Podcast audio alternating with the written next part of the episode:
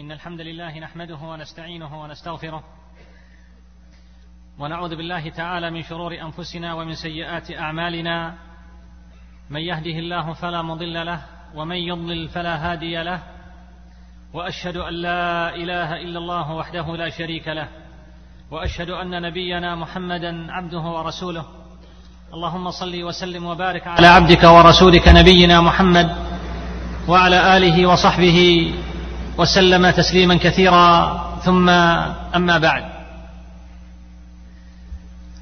إن البحر بأمواجه وأسراره آية من آيات الله جل وتعالى في هذا الكون. البحر مخلوق عجيب ونبأ غريب. آية من آيات القدرة الباهرة ودليل من دلائل العظمة الفائقة عالم غريب ومركب رهيب مهيب. هذا هو البحر بجماله وجلاله وعظمته وأهواله وتغير أحواله وديع حتى لا يلعب به طفل صغير وجبار يرتعد فيهلك الأسطول الكبير. البحر هادئ هادر ثابت ثائر بار غادر.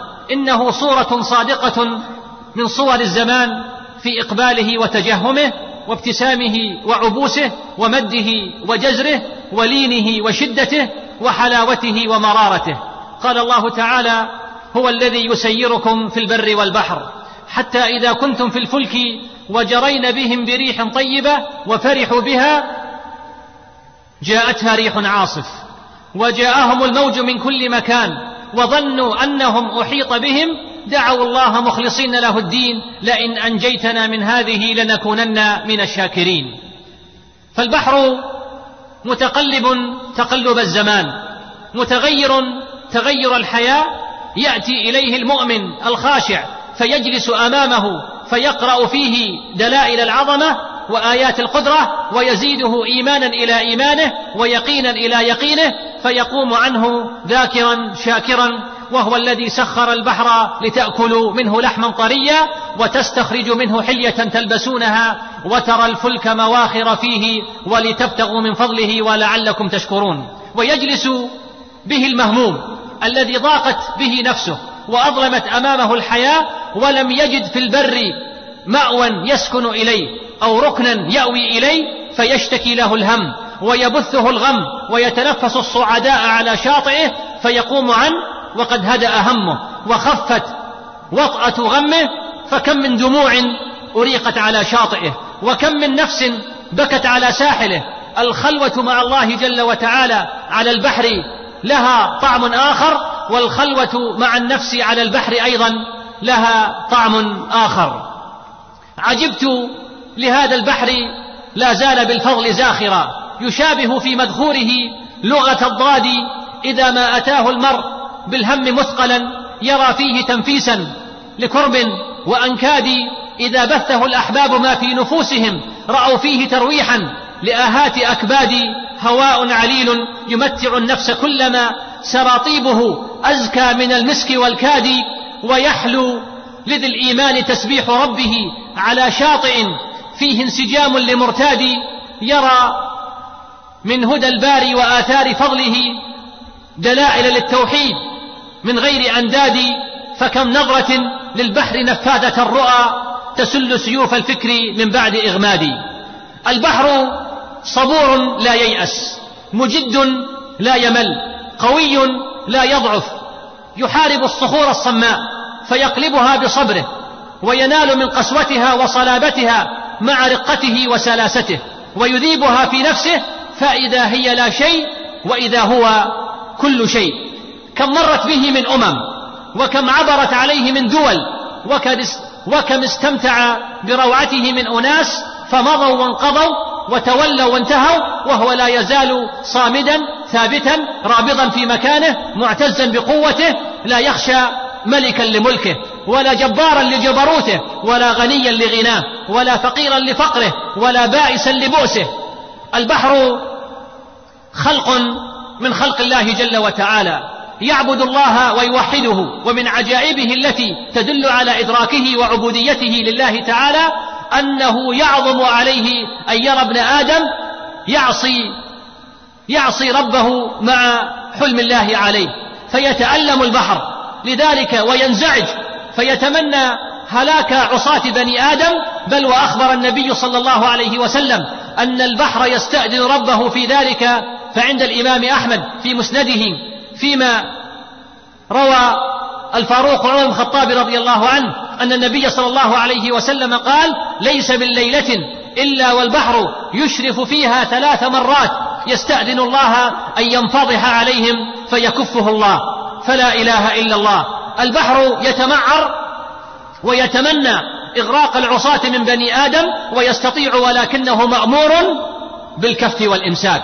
قال الإمام شمس الدين ابن القيم رحمه الله تعالى وإذا تأملت عجائب البحر وما فيه من الحيوانات على اختلاف أجناسها وأشكالها ومقاديرها ومنافعها ومضارها وألوانها حتى إن فيها حيوانا أمثال الجبال لا يقوم له شيء وحتى أن فيه من الحيوانات ما يرى ظهورها فيظن أنها جزيرة فينزل الركاب عليها فتحس بالنار إذا أوقدت فتتحرك فيعلم أنه حيوان وما من صنف من أصناف حيوان البر إلا وفي البحر أمثاله حتى الإنسان والفرس والبعير وأصنافها وفيه أجناس لا يعهد لها نظير في البر أصلا.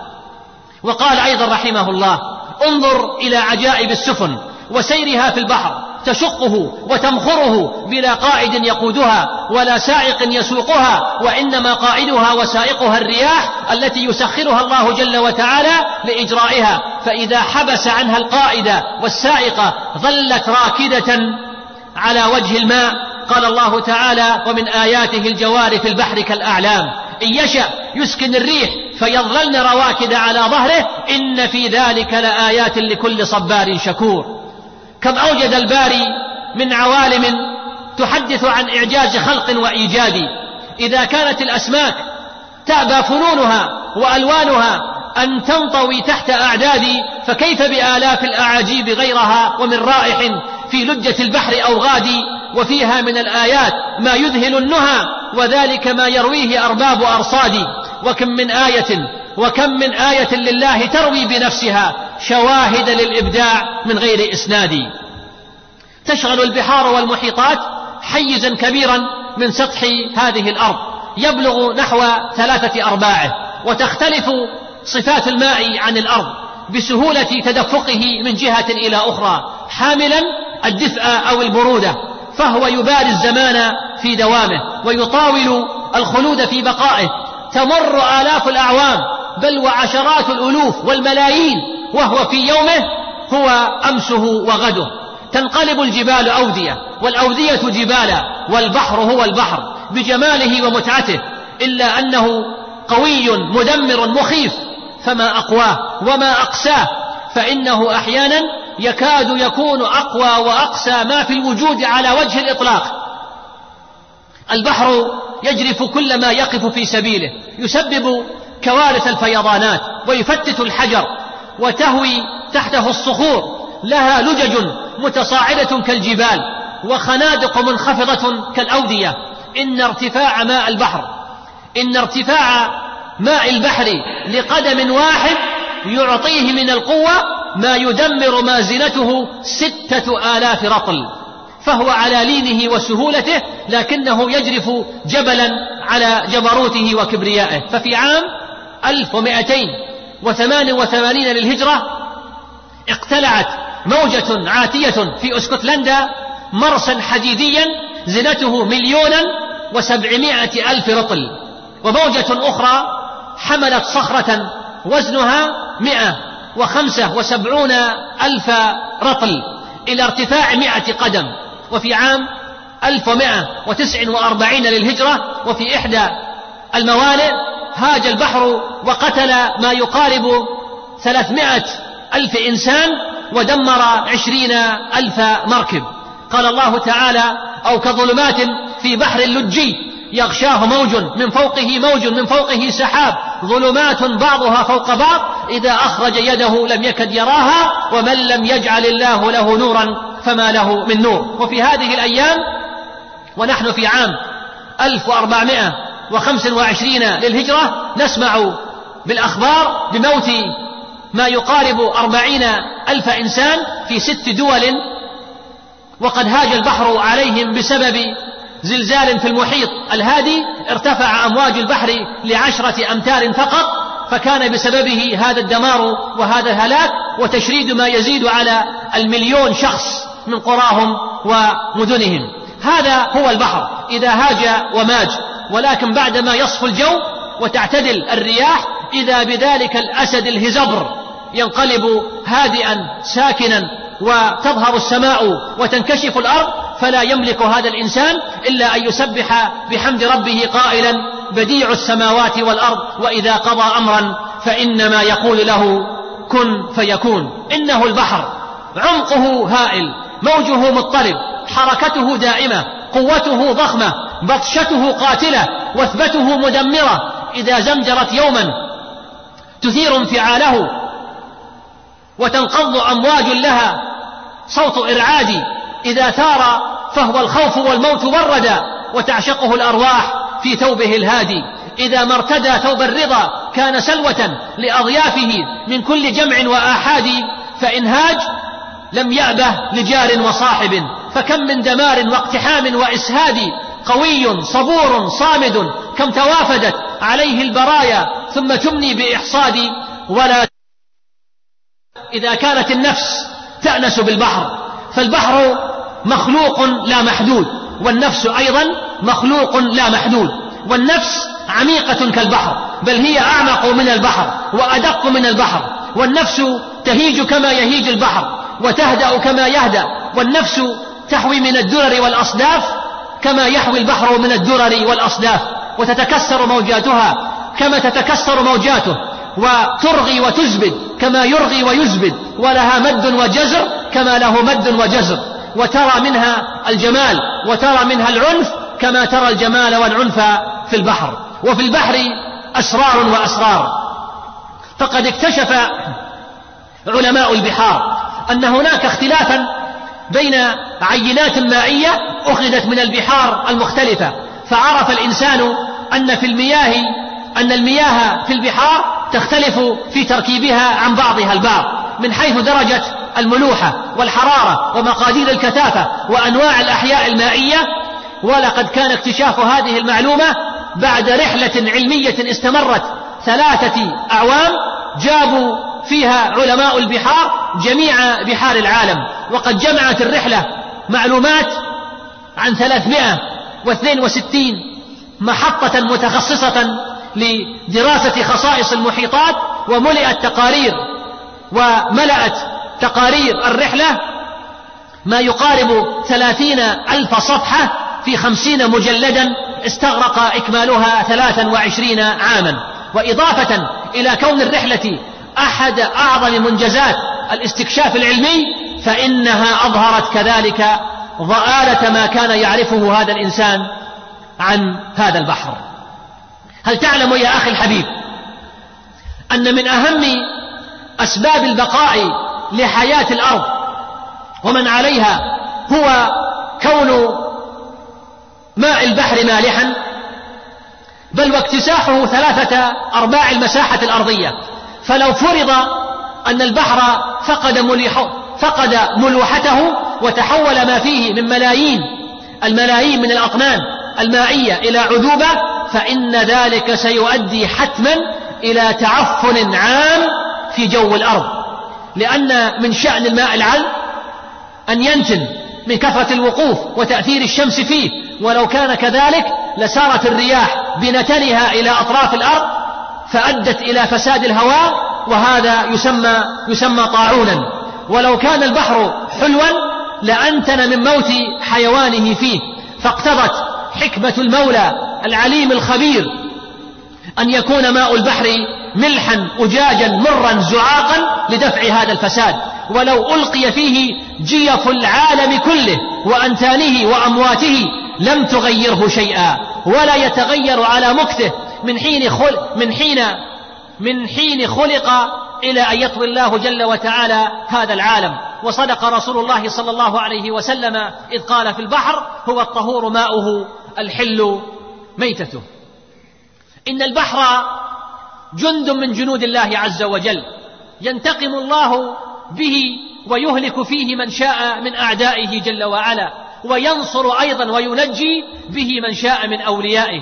والمعركة بين الحق والباطل مستمرة إلى قيام الساعة حتى ينصر الله أولياءه ويهلك أعداءه. ونحن المسلمين بيننا وبين البحر صداقة قديمة ومحبة عريقة. إنها قديمة قدم التاريخ عميقة عمق البحر.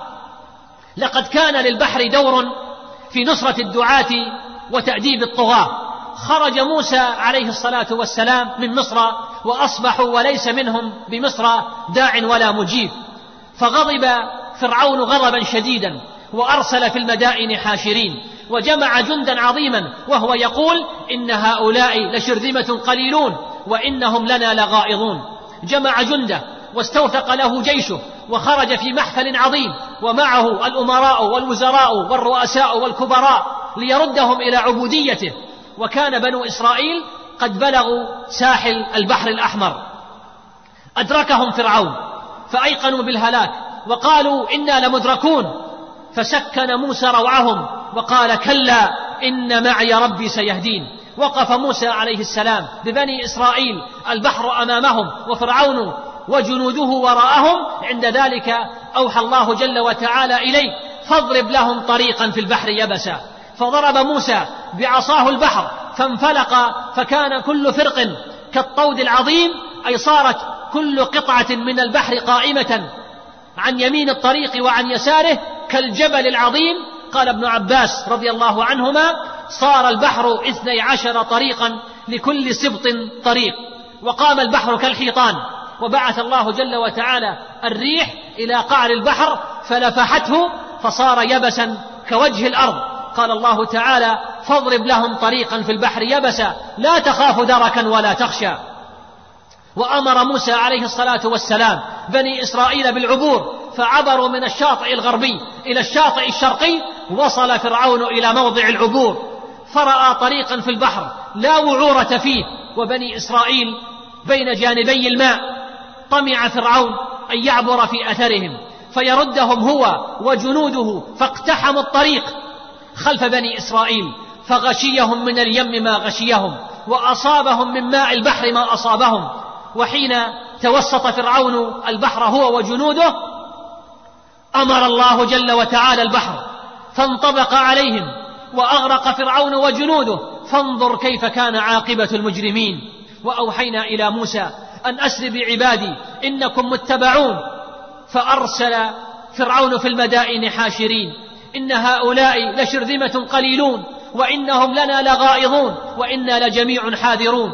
فأخرجناهم من جنات وعيون وكنوز ومقام كريم. كذلك وأورثناها بني إسرائيل. فأتبعوهم مشرقين.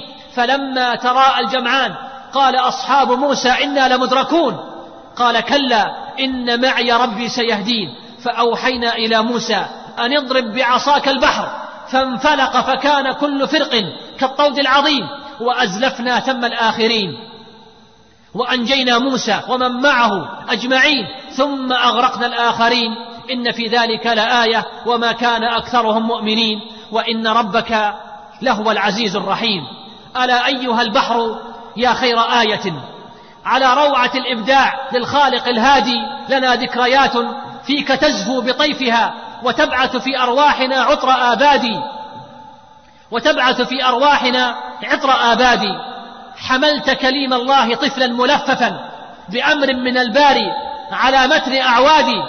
مضيت به للمارد الكافر الذي طغى وانبرى ما بين قتل وإفساد وما زلت في حب لموسى ونصرة وكنت لجند الحق تسعى بامدادي هوى بالعصا موسى فحييت صوته بخير دروب آمنات كأطواد. فلما أتى فرعون يزهو بجيشه تدافعت الأمواج فتكا باوغادي وأبقيت للذكرى مدى الدهر آية فناء لأرواح ومكث لأجساد. ولنا مع البحر قصة أخرى. لداعية آخر وهو نبي الله يونس عليه الصلاة والسلام. لما ركب يونس في السفينة المحملة بالبضائع هاجت الرياح من كل ناحية حتى كانت السفينة أن تغرق بمن فيها. فاتفق ركابها على عمل قرعة ومن تقع عليه يلقى في البحر لتخف حمولة تلكم السفينة فوقعت القرعة على نبي الله يونس عليه الصلاة والسلام ثلاث مرات وهم يظنون به أن يلقى من بينهم. فأرسل الله جل وتعالى له حوتا فابتلعه وأمر الله الحوت ألا يكسر له عظما أو يجرح له لحما وطاف به البحار وغاص به إلى أعماقها وبقي بداخله أياما عدة حتى سمع تسبيح حيواناتها وحيتانها فسبح الله تعالى واستغفره من هنالك كما قال تعالى وإن يونس لمن المرسلين إذ أبقى إلى الفلك المشحون فساهم فكان من المدحضين فالتقمه الحوت وهو مليم فلولا أنه كان من المسبحين للبث في بطنه إلى يوم يبعثون فنبذناه بالعراء وهو سقيم وأنبتنا عليه شجرة من يقطين وأرسلناه إلى مائة ألف أو يزيدون فآمنوا فمتعناهم إلى حين. ويونس لما ساهم الركب سهمه رماه بلج منك من غير إنجاد.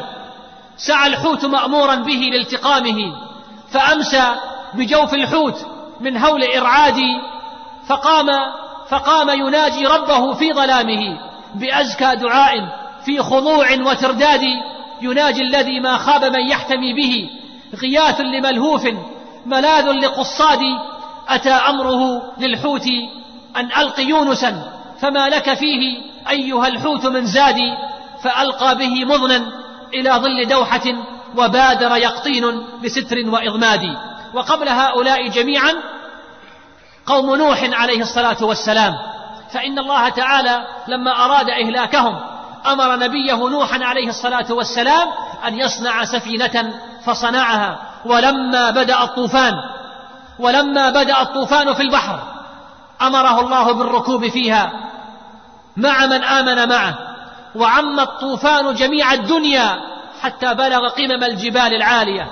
فنجاه الله تعالى ومن معه من المؤمنين وأغرق من كفر بالله رب العالمين.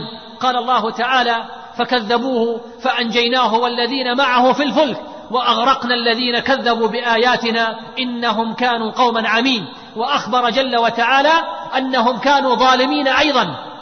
فقال عز وجل فأخذهم الطوفان وهم ظالمون. وهكذا وهكذا فإن عاقبة الظلم وخيمة في الدنيا قبل الآخرة. وقوم لوط الذين كانوا يعملون فاحشة اللواط التي ما سبقهم إليها أحد من العالمين. كانت عقوبتهم كما أخبر الله تعالى عنهم بقوله فلما جاء أمرنا جعلنا عاليها سافلها وأمطرنا عليها حجارة من سجيل منضود مسومة عند ربك وما هي من الظالمين ببعيد وقوم لوط كانوا في قرى سدوم بالأردن فرفعهم جبريل عليه الصلاة والسلام على جناحه إلى السماء مع قراهم ومدنهم حتى سمعت الملائكة صياح الديكة ونباح الكلاب ثم قلبها بهم وصار عاليها سافلها فغاصوا في الأرض تحت سطح البحر والمكان الذي قلبهم فيه جبريل عليه السلام يعرف اليوم بالبحر الميت. فهذه كانت بعض الحوادث التي ذكرها الله جل وتعالى في كتابه عمن أهلكهم أو نجاهم في البحر. ولنا أيضا مع البحر قصص أخرى عظيمة وعجيبة. أيام سعد بن أبي وقاص رضي الله عنه وأيام القواد الفاتحين والأبطال المجاهدين مما سجله التاريخ وتحدثت به الدنيا حتى مشوا بخيولهم وجيوشهم على الماء وعبروا بها في وضح النهار. قوم مشوا فوق المياه وصيروا من تحتهم متن الهواء ركائبا أعجب مشي فوق الماء قصة سعد رضي الله عنه يوم المدائن. ودجلة تفيض وترمي بزبدها. وسعد رضي الله عنه كان يريد أن يصل إلى الفرس في الناحية الأخرى من النهر فيستشير سلمان الفارسي رضي الله عنهما وعن الصحابة جميعا. بعد أن يتأكد من خلو الجيش الإسلامي من المعاصي والذنوب ويمشي سعد بجيش عظيم على الماء بقدرة الواحد القهار ويعبره إلى الفرس ويكون النصر بإذن الله جل جلاله. اسمع لهذا الحديث الأخوي بين سلمان وسعد رضي الله عنهما وهما يسيران فوق الماء. ذكر سلمان الحديث الذي رواه هو عن رسول الله صلى الله عليه وسلم. إن المسلم إذا لقي أخاه فأخذ بيده تحاتت عنهما ذنوبهما كما يتحاتى الورق من الشجرة اليابسة في يوم ريح عاصف وغفر لهما ولو كانت ذنوبهما مثل زبد البحر. يذكر سلمان هذا الحديث ويسمعه سعدا وهو يرى زبد البحر يتلاطم من حوله والخيل تعوم بهم وسعد يقول ذلك تقدير العزيز العليم. حسبنا الله ونعم الوكيل. والله لينصرن الله وليه وليظهرن دينه وليهزمن الله عدوه. إن لم يكن في الجيش بغي أو ذنوب تغلب الحسنات. فرد عليه سلمان. فقال يا سعد إن الإسلام جديد. ذللت لهم الله البحور كما ذلل لهم البر. أما والذي نفس سلمان بيده ليخرجن منها أفواجا كما دخلوه أفواجا.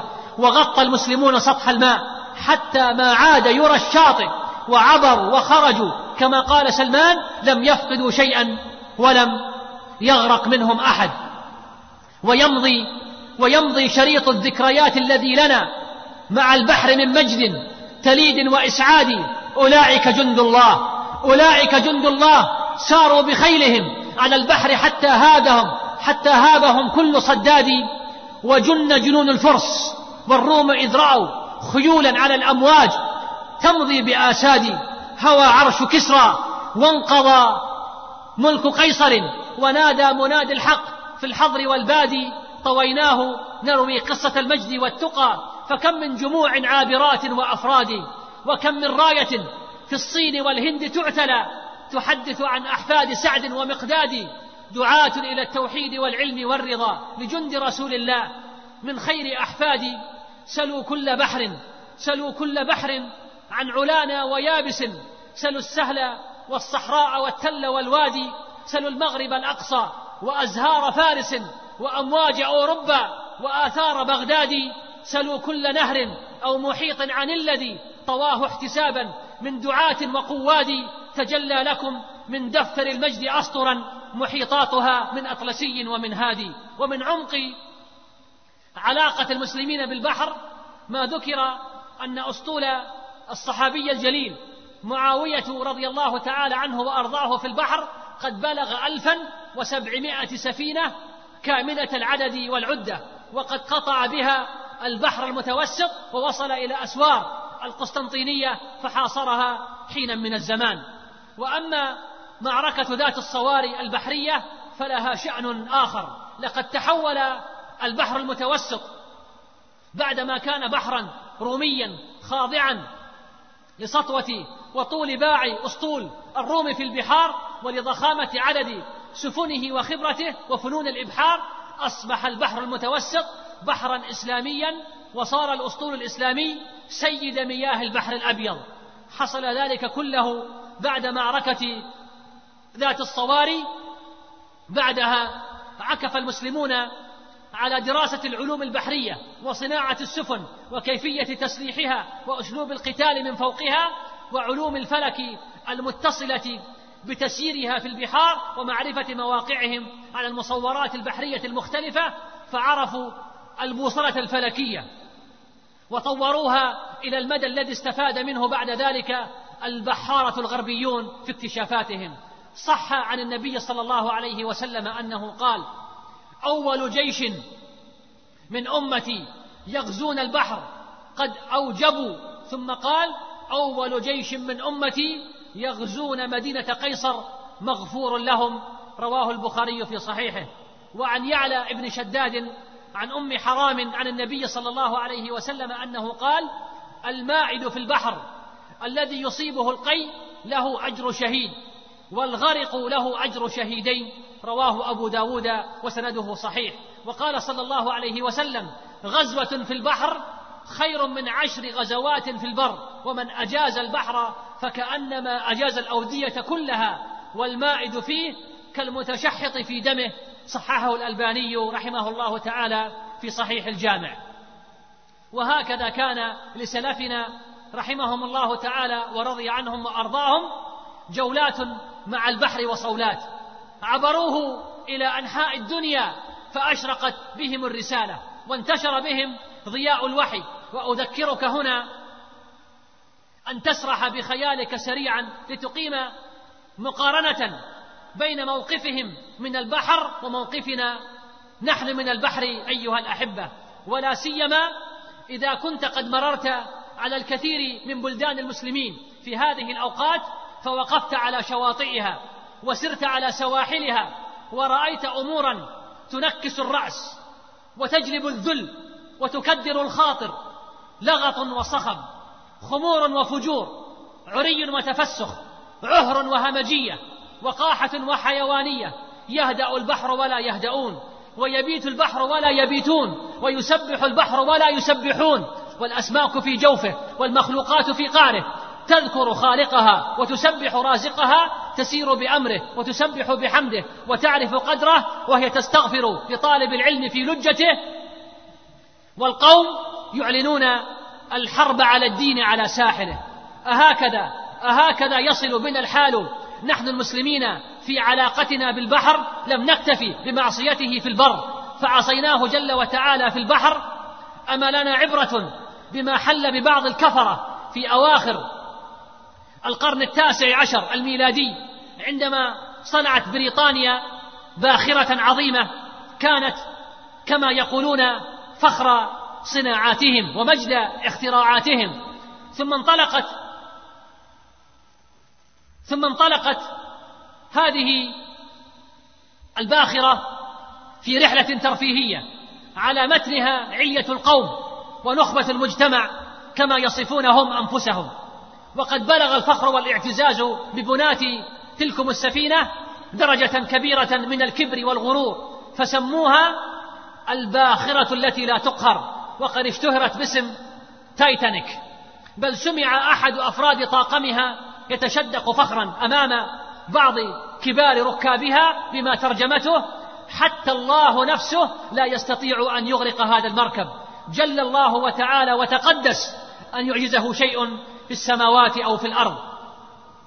وفي اليوم الثالث من سيرها في المحيط الأطلسي وفي خضم كبرياء صناعها وركابها شاء العزيز الحكيم الخبير. شاء الله تعالى أن تصطدم بجبل جليدي عائم فيفتح فيها فجوة بطول تسعين مترا وبعد ساعتين وربع من الساعة وبعد ساعتين وربع الساعة تستقر الباخرة التي زعموا أنها لا تقهر تستقر في قعر المحيط. ومعها ألف وخمسمائة وأربعة راكب وحمولة قدرت بست وأربعين بستة وأربعين ألف طن. فكلا أخذنا بذنبه. فكلا أخذنا بذنبه. فمنهم من أرسلنا عليه حاصبا. ومنهم من أخذته الصيحة ومنهم من خسفنا به الأرض ومنهم من أغرقنا وما كان الله ليظلمهم ولكن كانوا أنفسهم يظلمون. فلا إله إلا الله فلا إله إلا الله. ما أهون الخلق على الله جل وتعالى إذا عصوه. سنة الله جل وتعالى في الأولين والآخرين. قال الله تعالى فلما آسفونا انتقمنا منهم فأغرقناهم أجمعين.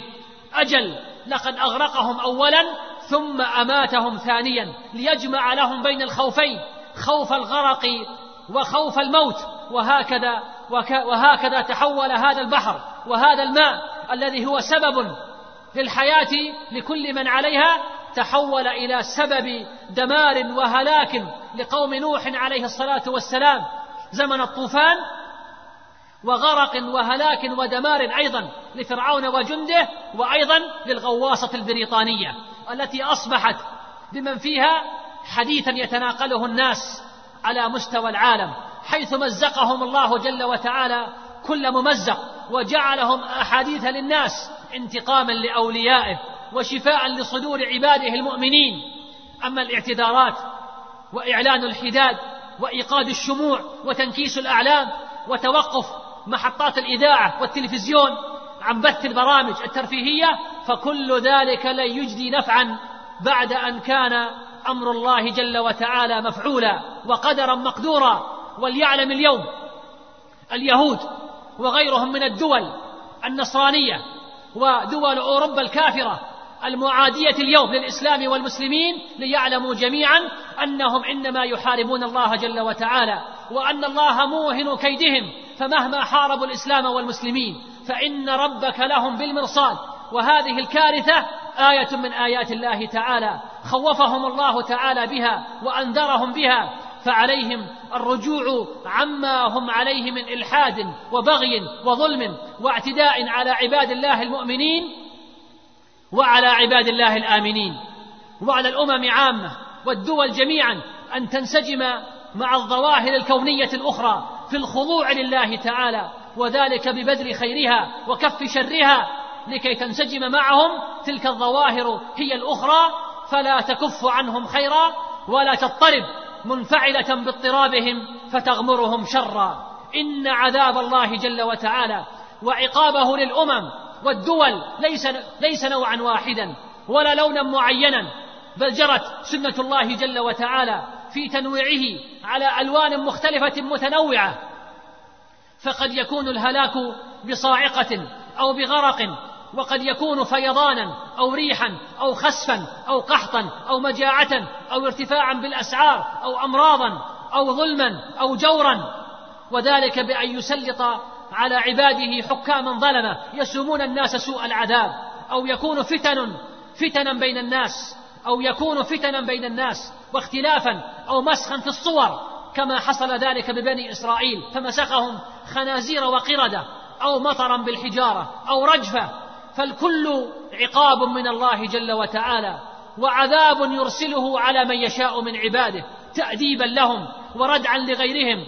وقد جاءت كل هذه الأنواع في كتاب الله تعالى. فاقرأوا مثلا قول الله تعالى في الصاعقة فأخذتهم الصاعقة وهم ينظرون وقوله في الغرق فأغرقناهم في اليم وقوله في الفيضان والطوفان فأخذهم الطوفان وهم ظالمون وقوله في الريح وأما عاد فأهلكوا بريح صرصر عاتية وقوله في الخسف فخسفنا به وبداره الأرض وقوله في القحط والمجاعات وارتفاع الأسعار وانتشار الأمراض وبلوناهم بالحسنات والسيئات ويقول عز وجل فأخذناهم بالبأساء والضراء فالسيئات تعم كل ما يسوء الإنسان والبأساء هي الفقر والشدة والجوع والقحط والضراء هي الآفات ومنها الأمراض. وقوله عز وجل في الظلم والجور وما كنا مهلك القرى إلا وأهلها ظالمون. وقوله في الفتن بين الناس والاختلاف والتحزب والعذاب العام قل هو القادر على أن يبعث عليكم عذابا من فوقكم أو من تحت أرجلكم أو يلبسكم شيعا ويذيق بعضكم بأس بعض. وقوله في مسخ اليهود خنازير وقردة قل هل أنبئكم بشر من ذلك مثوبة عند الله من لعنه الله وغضب عليه وجعل منهم القردة والخنازير وعبد الطاغوت وقوله في المطر بالحجارة وأمطرنا عليها حجارة من سجيل منضود مسومة عند ربك. وقوله في الرجفة فأخذهم الرجفة فأصبحوا في دارهم جاثمين. وغيرها وغيرها كثير في كتاب الله عز وجل.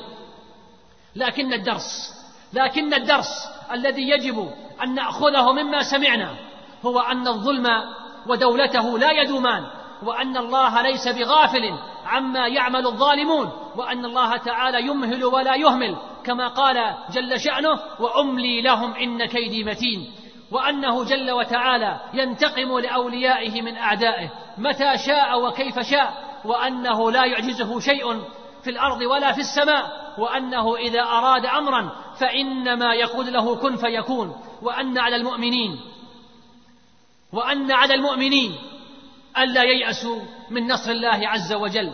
فوالله الذي لا إله غيره إن الذي نصر الأنبياء ونصر المرسلين لقادر على أن ينصر أتباعهم المؤمنين ليس في الدنيا فقط بل في الدنيا والآخرة. ولو طال الزمان قال الله تعالى أنا لننصر رسلنا والذين امنوا في الحياة الدنيا ويوم يقوم الاشهاد.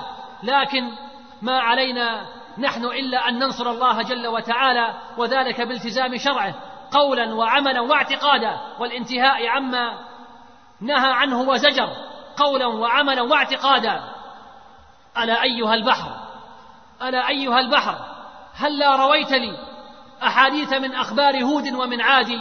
وعمن مضى من قوم نوح وتبع وموسى وذي مكر شديد وأوتاد وعن آل ساسان. وعن آل ساسان الذين تعلقوا بأمجادهم دهرا وعن آل شداد وعمن قضوا ليلا من الأنس حالما وكم شيدوا من دار لهو ومن نادي وعن باطش للهول والمو وعن باطش للهول والموج ماخر فكانت له الأمواج في شر مرصاد وعن مؤمن خاض المحيطات صابرا يمزق بالإيمان أستار الحاد وعن أمم من كل بر وفاجر ولون وجنس أو عبيد وأسياد قرون مع الأيام. تفنى وأنت في صمودك لم تحفل بموت وميلاد. والحمد لله أولا وآخرا وظاهرا وباطنا. وأصلي وأسلم على عبده ورسوله نبينا محمد وعلى آله وصحبه وسلم تسليما كثيرا.